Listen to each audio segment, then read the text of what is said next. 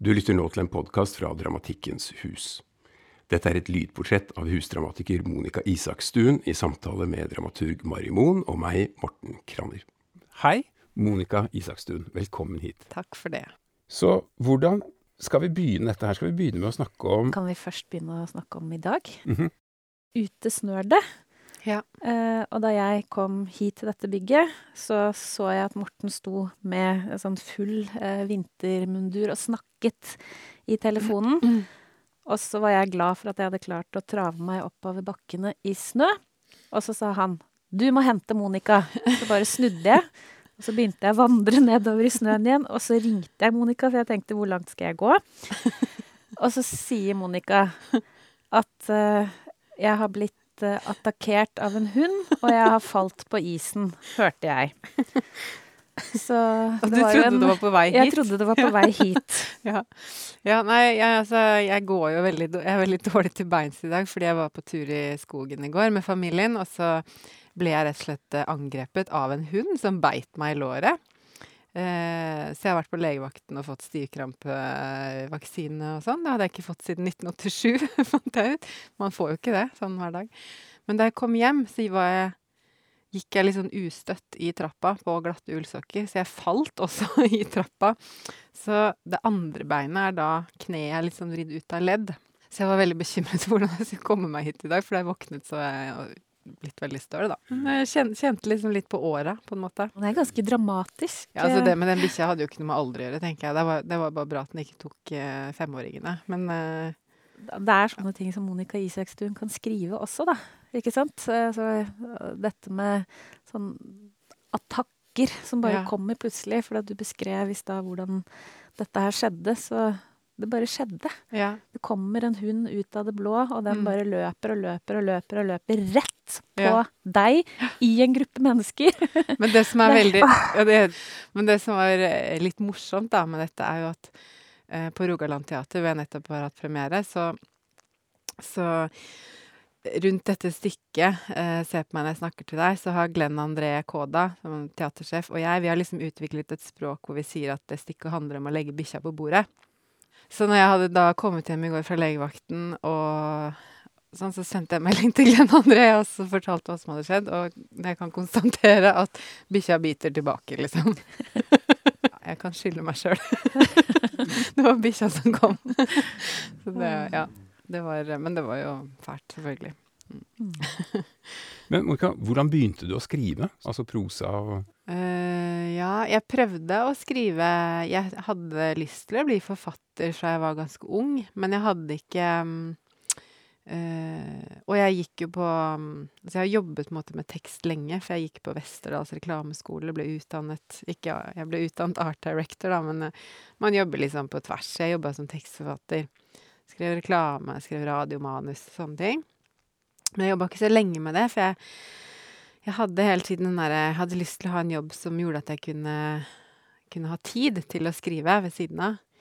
Eh, og at jeg kanskje skulle kunne nærme meg uh, jeg, hva, hvis jobbe hva hvis jeg kunne jobbe i forlag eller noe sånt? Tenkte jeg kanskje det ville liksom bringe meg nærmere den verden som jeg ville være i, da. Så jeg jobbet et par år i reklamebransjen bare. Og så begynte jeg å jobbe i forlag, og så hele tiden her så prøvde jeg å skrive. Um, så Men jeg syns ikke det ble noe schwung over det. Og så mistet jeg faren min ganske brått i eh, Han døde på tur i skogen eh, da jeg var 27 år, og, og det Og da hadde jeg fått meg noe Da jobbet jeg i forlag, jeg hadde fått noen forfattervenner. Eh, en god venn som var poet, som heter Nils Øyvind Haagensen, han spurte om, om jeg skrev. Så sa jeg ja. Og så hadde jeg lest noen dikt av han, og jeg husker veldig godt at når jeg leste hans dikt, så tenkte jeg Det høres kanskje litt sånn over, men jeg tenkte at hvis det her er dikt, så, så kan kanskje jeg også skrive dikt. Og det samme opplevelsen hadde jeg av å lese Geir Gulliksen, Ruth Lillegraven, som har blitt en veldig god venninne. Så det kom inn via en sånn Jeg tenkte at i dikt så kunne jeg kanskje skrive om noe som lå meg nær, uten at det skulle være skummelt, da. Uten at det var eh, Uten at det ville føles For jeg hadde lyst Jeg hadde liksom ikke lyst til å være en sånn som debuterte med en roman om en død far og en oppvekst og sånn, men jeg Så jeg fikk nærme meg det å skrive fra en annen kant. Og det Da var jeg i gang, da. Eh, så jeg ga ut en bitte liten diktsingel i 2008 som heter Sånn borte. Og det finnes jo rester av den teksten i også i uh, dette stykket her, faktisk. Så jeg, driver ofte og kopierer hvis det er ting jeg Jeg driver ofte og stjeler små setninger fra meg selv og, og steder jeg har vært før, men som kanskje ikke har Uh, det er ikke så mange som har lest en liten singel fra 2008, så jeg liksom finner stor glede i å spre det, eller gi det nytt liv, da. Jeg trengte vel kanskje den Veldig mange trenger jo en sånn krise eller et eller annet som setter dem i gang, eller i hvert fall det som blir det første stoffet deres, da. Og det var det første stoffet mitt, og det er fortsatt en død far i bakgrunnen i alt jeg skriver. Uten at det er så veldig sånn omtalt eller press... Men det er, det er, noen, det er noen der som er borte. Og det Ja, det har vært en veldig fin sånn uh, kraft, da. Um, så skrev, jeg, og så skrev jeg, da, etter dikten min, så skrev jeg en debutroman hvor jeg hadde bestemt meg for at det ikke skulle være noe Skulle ikke gå livet nær på noen som helst måte. Og den ble det stiveste og kjedeligste jeg har skrevet noen gang. Å, men den er ikke så stiv, altså. Nei, jeg hører det sier det. Men for meg er det veldig sånn Det handler kanskje litt om at det jeg har skrevet seinere, ligner ikke i formen eller sånn, men det er jo fortsatt deler Det er noen partier der jeg kan se at det er en stemme, da, men jeg var veldig sånn Jeg syns det er en veldig skoleflink roman. Eh, og jeg syns ikke at flink Jeg syns flink er noe jeg har kommet meg ganske godt bort fra seinere, da. Eh, så etter den så tenkte jeg at jeg skal aldri skrive roman igjen, jeg skal skrive dikt. Og så skrev jeg dikt, men etter det så har det ikke blitt noe mer Jeg er ikke noe tiltrukket av å skrive poesi lenger, men jeg tror dramatikken kanskje har fått lov til å fylle det, da. For det minner meg veldig om samme måten, egentlig. Det kommer en sånn rytme, en frihet i det, som er mye større enn når jeg skriver roman, eksempel. Mm. Jeg møtte jo Mari på jeg egentlig en litt sånn uh, vanskelig produksjon hvor jeg skulle gjøre om en roman, min egen roman, til en monolog. Og det var en roman som hadde mange stemmer, mange Og som var litt sånn utenfor tid og sted og rom-samtaler, da, mellom en avdød pianist og Nei, pianoeleven hennes, og ja, beveget seg gjennom tider og, og mennesker um, og stemmer. Og så skulle jeg gjøre om det til én stemme. Og da ble jeg veldig sånn at jeg trodde at jeg måtte skrive om alt til teater, og da skulle hun komme inn av døra der, og så skulle det skje sånn, og så skulle, det, skulle de snakke på en annen måte enn de gjorde i romanen. At jeg måtte gjøre det mer begripelig, på en måte. Uh, og så syntes jeg det var så vanskelig, og så underveis så fikk jeg lov av regissøren til å få liksom dramat dramaturghjelp. Og da kobla hun på Mari. Og så møtte jeg Mari. Og så da hadde jeg sendt henne med alle mine utkast til hvordan jeg skulle liksom skrive om den romanen, til noe begripelig og ryddig og fint som kunne passe for scenen, tenkte jeg. Og så sa Mari litt sånn Litt sånn fortvila at nei, det her er liksom Alt det jeg likte med romanen altså det, her, det, er ikke noe, det er ikke noe liv i det stoffet her. Det er borte, liksom. Hun er borte. Det jeg likte ved romanen din, er borte. Men hva, hva, hvis vi går tilbake til romanen, til, til de stemmene som snakker til hverandre uten at vi vet hvem vi er, og, eller hvem de er? Så det endte egentlig med at jeg At Mari ga meg ganske gode strykningsforslag. Plukka ut tekst fra min roman, og så ja, lærte meg at det beste jeg kunne gjøre, var å ikke tenke så mye på scenerommet, da. Men tenke på stemmen, sånn som jeg har gjort når jeg skriver romaner. For hvis ikke jeg finner den stemmen, så er det bare dødt. Mm. Uh, det må komme fra Det må begynne i én stemme, og sånn som jeg har gjort i stykkene mine nå, så er det jo at den måten å skrive roman på har liksom smitta over på måten jeg har lagd karakterene på. At jeg har en jeg-stemme, da, som, er, som er drivende og så kan de andre få lov å spille mot den jeg-stemmen. Og de blir jo like viktige, men det, er, det, er, det må starte i jeget, da. Mm. Har jeg skjønt. Jeg tror jeg må fortsette sånn, egentlig. Mm. jeg skal tillate meg det en stund til.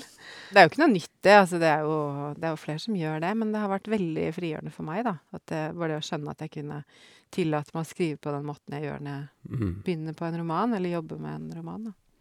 Ja, men det handler om scenisk uh, presens. Mm. Altså det handler om et nu, da. Så Og jeg tenker at uh, romanene dine også har noe som er veldig sånn rått her og nå. Det er ikke scenetekst, romanene dine, men eh, det er ikke så langt unna, for det er noen stemmer som, som er opprørt, og som snakker akkurat nå, som treffer.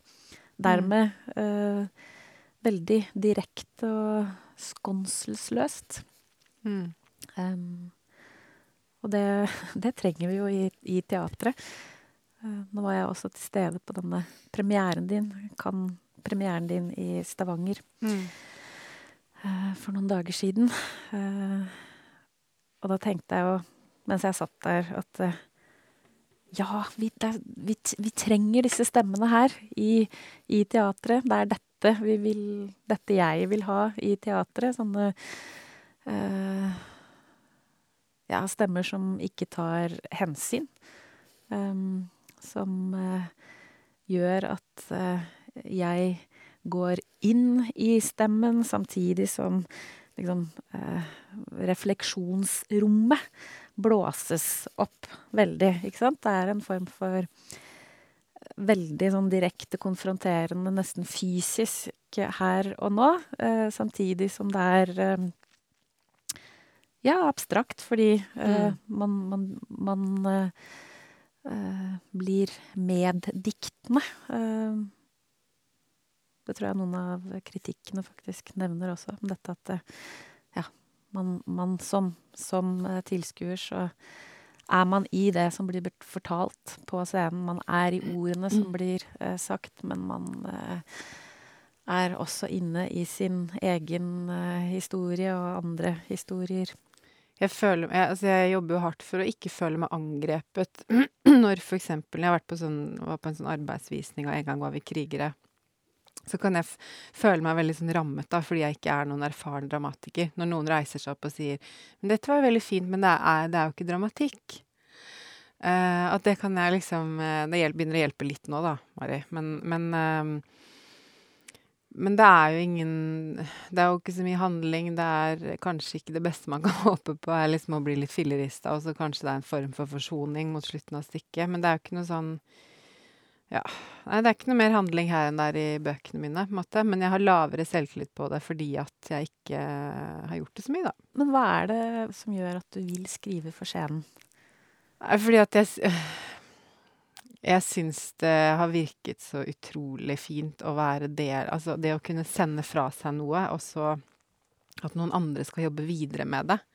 Og liksom gi det kjøtt og gi det Altså gjøre det større, opplever jeg det, enn romanteksten. Eh, og også at at jeg liker eh, ja. Jeg har jo reist masse med både, de, med både Vær snill med dyrene og Rase. Sitter og snakker og liksom I intervjuer så blir det sånn Ja, med deg, da? Er du slem med barna dine? Sant? Eh, og det er, ganske, det er noe ganske utmattende med, og noe ganske sånn kjedelig med det, syns jeg. Eh, og det har jo allerede i oppsiktsvekkende liten grad, og, helt, og, og som forventa, deilig. Det er ikke jeg som presenterer det stykket her. Det er noen andre som tar det videre. Det er ikke mitt Nå er det Øyvind sin kunst like mye som det er min, og det er Mari og Svein. Og det er de som er synlige med det. Og det er ikke så interessant hva, hvordan dramatikeren har det hjemme.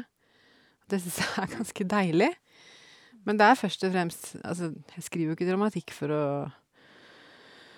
ikke snakke om barna mine, det, men, men for å Nei, jeg vet ikke. Jeg syns eh, Jeg har alltid tenkt at at å være dramatiker er eh, Det syns jeg høres eh, fantastisk ut, men jeg har ikke tenkt at det var noe jeg kunne gjøre. Mm. Og det jeg tror ikke jeg hadde tenkt at det var noe jeg kunne gjøre hvis ikke jeg hadde møtt Mari heller. Det var liksom brekkstangen, da. I en ellers ganske trasig produksjon så ble det For det endte jo med liksom én visning, og ikke sant, ting Teatret som produserte det, gikk i oppløsning og sånn, så det var ikke noe å få selvtillit av. Men, men, men Mari eh, fikk jeg selvtillit av, og så kommer liksom Line inn i bildet, dere, Dramatikkens hus, som sier sånn Skriv. Og så skriver jeg, og så blir det verksteder, og så merker jeg hvor utrolig mye jeg får ut av å jobbe med skuespillere, da. Altså, det er jo to skuespillere som egentlig har vært med, tenker jeg, å skrive del to av det stykket her. Fordi de Jeg gikk hjem og hadde stemmene deres i hodet. Og skrev del to på Hvem, eh, hvem var det igjen? Det var Espen Løvaas og Mathilde Alfrida Jacobsen. Mm. Som vi hadde verksted med på, på det som da var del én. Litt større og litt mer rufsete, eller sånn litt ikke så ferdig, men, men ikke langt fra heller. Så hadde vi hatt verksted, og så ble vi sittende og snakke om at de syntes at jeg skulle skrive en del til, da.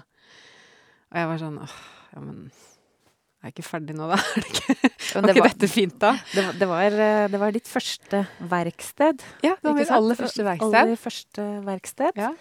Snødde det da òg? Det snødde da òg. Da hadde vi to dager, og Mm. du eh, Du eh, Du var kjempeusikker. Ja, ja. Jeg var kjempe... Dette er vel ikke teater og Å Mm. nei, nei, nei. Litt sånn Monica med stort eh, hår og ville øyne. og så kom vi opp dit. Vi hadde to dager, da. Og leste og snakket. Og så var begge skuespillerne begeistret fra første gjennomlesning, og så begynte de å tråkke ut på, på gulvet. Og de endringene som skjedde med teksten, jeg vil si at det er minim, minimalt. Ja, det var nesten bare strykninger. Ja, noen, var stryk, var-? Mm. noen strykninger. uh, men så da fikk, uh, fikk dramatikeren sett da, at dette her er uh, Det er tekst i rom. Det er tekst for, for Mm. scene. Mm.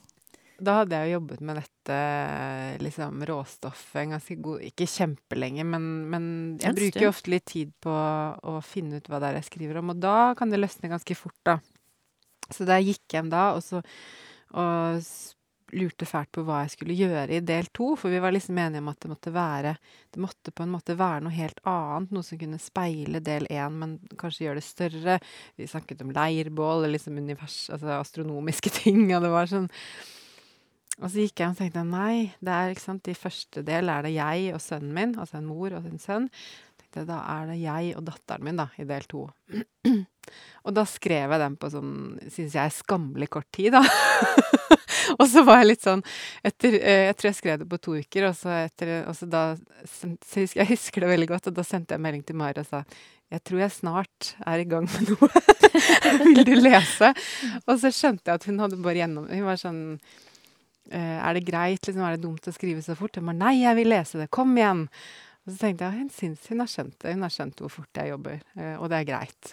Ja, for du jobber veldig fort. Ja, det Du er en skikkelig rask eh, skriver. Du er Ja. en av de mest eh, utålmodige menneskene jeg kjenner. Eh, og så er du bare helt sånn eh, vill på tastaturet når du setter i gang, da. Um, så det går, eh, går fort. Um, men det er jo ikke noe slurv i det hele tatt. Eh, det er jo litt sånn at jeg blir litt eh, stum av eh, Ja, eller målløs når jeg leser. Mm. Jeg jobber så lenge med å finne ut hva Med liksom finne en tone, da. Det kan være noe jeg tenker på lenge, eller leser meg fram ved å lese andres ting. At jeg plutselig får en sånn nøkkel som gjør at det løsner. Men da jobber jeg ganske Da Jeg vet jo selv veldig godt hvor fort jeg har skrevet enkelte partier. Og at da er det litt sånn eh, Jeg har brukt begrepet at jeg har skrevet nesten i en sånn transe til deg. Og, men det er ikke fordi jeg, jeg er veldig bevisst. Det er ikke sånn at jeg sitter og så går en hel dag uten at jeg vet det. Jeg er veldig lett distrahert og vet som regel hva klokka er og når jeg er sulten og sånn. Men, men eh, når jeg merker at jeg skriver fort, at jeg syns det er gøy, da vet jeg at det er et godt tegn. da. At det liksom er, at det er mye som må ut. Eh, men det kan også føre til at jeg eh, Sånn som når vi har eh, hatt verksteder, da, hvis vi støter på en utfordring, da, jeg, da kan jeg være veldig kjapt ute med å si ja, men det, går bra, da bare tar vi bort Eller fordi jeg vet at jeg har jobba så fort, at, jeg, at det er ikke sånn at jeg sitter og gnukker og polerer på setninger. Eller jeg gjør jo det etter hvert, men eh, jeg står nok litt i fare for å ha litt sånn At jeg, at jeg kan gi Hadde ikke Mari vært der, da, og vært litt sånn tekstforsvarer, så hadde jeg nok gitt meg lett på ting som mm, At jeg kan tro at utfordringer for skuespillerne er et problem i teksten, at det er en svakhet i teksten.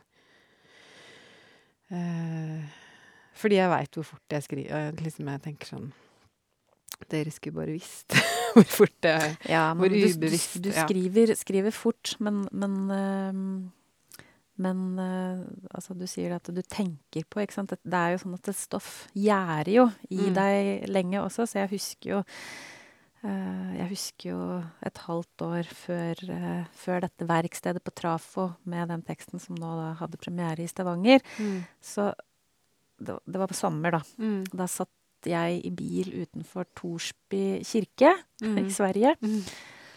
Og da snakket du om det. Om Mm. noe som. Ja, nei, det ligner nesten ikke på. Det har Altså, det er tematikker du snakket om da og ville skrive om, ikke sant? Og så et halvt år senere så så er det der. Men da, Mm. da begynte du ikke å skrive allerede da. Mm. Det, det går sånn og baker og gjærer. eh, Men du kommer med veldig bra altså, Jeg har jo opplevd at du kommer med veldig bra sånn derre Mari griper inn i teksten da, og skriver med rødt, og så er det sånn, veldig sånn forløsende enkle kommentarer som For det første jeg sendte deg var jo en, nesten en monolog hvor det var Jeg hadde et sånt bilde av at jeg ville ha kvinnestemme, kvinnestemmer på scenen, og så skulle aldri mannen som var der, eller sånn Skulle aldri komme til orde. Og så, og så husker jeg at Mari skrev i rødt Men hva hvis han her Hva hvis han her svarer henne? Hva skjer da? Og det var jo da en sånn Ja, i det som har blitt Ikke ferdig Se på meg når jeg snakker til deg, men at hun snakker på en måte til et barn, til et menneske, og så Og så bryter vedkommende inn, da. Eh, og så var samtalen i gang. måte. Den jævlige samtalen. og det, det hjelper meg jo veldig til å sånn, komme over en sånn Ja, knek, knekke det over i noe som funker for meg, da. Så jeg blir alltid veldig Det er veldig god hjelp i lesningene til Mari. Mm. Men Monica, hva er det du skriver om? Ja, det syns jeg er helt sånn grusomt spørsmål. Jeg klarer aldri Da blir jeg For da blir jeg så mm, Altså, da, da blir det jeg, Andre forteller meg jo at jeg skriver om tabuer, at jeg er modig, og at jeg liksom er sånn og sånn, men jeg er veldig, veldig, veldig Jeg er lei av det ordet modig, da. Det er jo ikke jeg er ikke så modig, men at jeg skriver om, om strømming, strømninger, tanker i indre livet i mennesker som er ganske Som finnes i, tenker jeg, veldig mange av oss. Som ikke alle, men veldig mange. At det eh, det er, ikke mo, det er ikke modig, men jeg syns det er jeg, jeg tenker mer at jeg er heldig som har oppdaget at jeg kan gjøre det. Da, jeg, for det syns jeg det er så mye å ta av. Men eh, jeg er jo veldig opptatt av um, Det har jo vært mye mor-barn-relasjon i tekstene jeg har skrevet.